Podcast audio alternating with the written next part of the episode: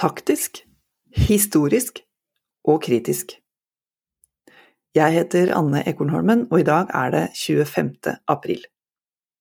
Nå ligger presset på landbruksminister Sandra Borch fra Senterpartiet. Årets jordbruksforhandlinger kan ikke ende med brudd.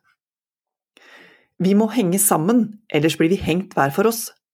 Det har vært en grunnleggende tankegang for bøndene i forhandlinger med staten. Etter planen skulle jordbrukets to faglag legge fram sitt samla krav på en pressekonferanse onsdag. Hvis de hadde blitt enige og klart å skrive seg sammen. Men det gjorde de ikke. Midt i veien sto Norsk Bonde- og Småbrukarlags ultimatum om at beregningene av rentekostnader måtte endres før eller under forhandlingene. Resultatet er en historisk situasjon der staten nå peker på Norges Bondelag som eneste motpart i årets jordbruksoppgjør. Dermed legger Bondelaget fram sitt krav onsdag, og går til forhandlinger formelt på vegne av hele jordbruket. Sjøl om akkurat det virker som en umulig oppgave. Hovedmålet er mer omforent enn man får inntrykk av. Økte inntektsmuligheter. Bondeinntekta må opp, inntektsgapet målt mot andre yrkesgrupper må tettes. Raskere. Forventningene er store til landbruksminister Sandra Borch, som kjenner næringa godt. Forventningene er forståelig høye, også på grunn av en landbruks- og distriktsvennlig Ap-Sp-regjering med tydelige signaler i Hurdalsplattformen, og et storting som ønsker økt sjølforsyning basert på bruk av norske ressurser i hele landet. Derfor er utålmodigheten i næringa stor, sammen med uenigheten om tempo, tallgrunnlag og tilnærming. Tor Jakob Solberg har fortsatt energien og auraen som en av initiativtakerne til Bondeopprør 21, på godt og vondt. Han er en aksjonist med lite å tape, alt å vinne. Han vil riste i hele forhandlingsinstituttet, få til reell endring, uten baktanker om gjenvalg som leder i Bonde- og Småbrukarlaget. Han, og flere med han, er frustrert over Bondelagets framgangsmåte. Det langt større faglaget er eh, tyngre i sessen, og får kritikk for å tilpasse kravet til hva de tror er mulig å få gjennom hos staten og de mistenkes for å ha for sterke bånd til Senterpartiet. Radikal opprørsånd krasjer med systemtro struktur. Overoptimisme mot pragmatisme. Strengt tatt har de begge godt av å brynes på hverandre. Og den utålmodigheta som også ulmer på grasrota i Bondelaget, får gehør hos lillebror NBS. De snakker for mange bønder som teller på knappene om det er verdt å jobbe 4000 timer i året for å produsere mat med små marginer og enda mindre fritid. Siden fredag har staten hatt det som i hovedavtalen for jordbruket beskrives som underhåndskontakt med faglaga. Først hver for seg, så en felles samtale.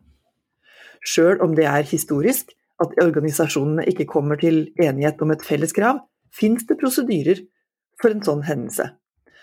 Ingen er veldig overraska over at den kommer til nytte i år. NBS sitt krav om å se på det faktiske tallgrunnlaget på nytt er den formelle årsaken til at staten pekte på Bondelaget som forhandlingspartner når faglaga ikke ble enig. Målet er definitivt legitimt og viktig. Og det har vært konsistent siden Solberg og de fire andre bondeopprørerne satte inntektskampen for alvor på dagsorden. Inntekta kan aldri bli riktig uten reelle grunnlagstall men tallene fra Beregningsutvalget for jordbruket var signert av alle parter. Når NBS ikke er med på et felles krav, mister de all forhandlingsrett. De har spilt et høyt spill, sjøl om Solberg mener det var nødvendig. Han bryr seg neppe om det gamle fagforeningsordtaket 'forhandle sammen' eller 'tigg aleine'.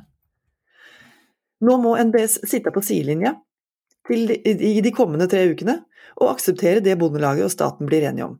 Og så kan de si til sine medlemmer vi prøvde i alle fall.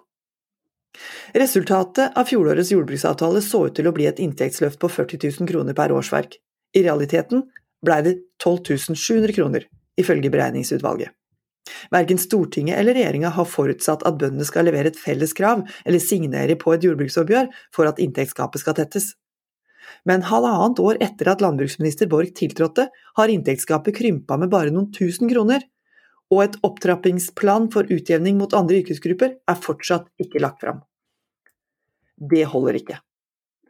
Der ligger det, som NBS sier, noen tydelige og mildt sagt nedslående signaler til bøndene. er det ikke så viktig likevel? Borch kan ikke lenger lene seg på fjorårets rekordstore jordbruksoppgjør, jobben er langt fra gjort, og det veit hun. I fjor pekte også stortingsflertallet i, eller flertallet i Stortingets næringskomité, Venstre, Høyre, Frp, MDG og SV, påbedt behov for kursendring i landbruket. Dette her er med andre ord også en politisk utfordring for Borch. Hun og regjeringa blir utfordra fra alle kanter. Og med denne starten er ikke årets jordbruksforhandlinger blitt mindre interessante. Jeg heter Anne Ekornholmen, og dette her var Nasjonen på øret. Flere kommentarer finner du på nasjonen.no, eller der du hører dine podkast. Ha det bra!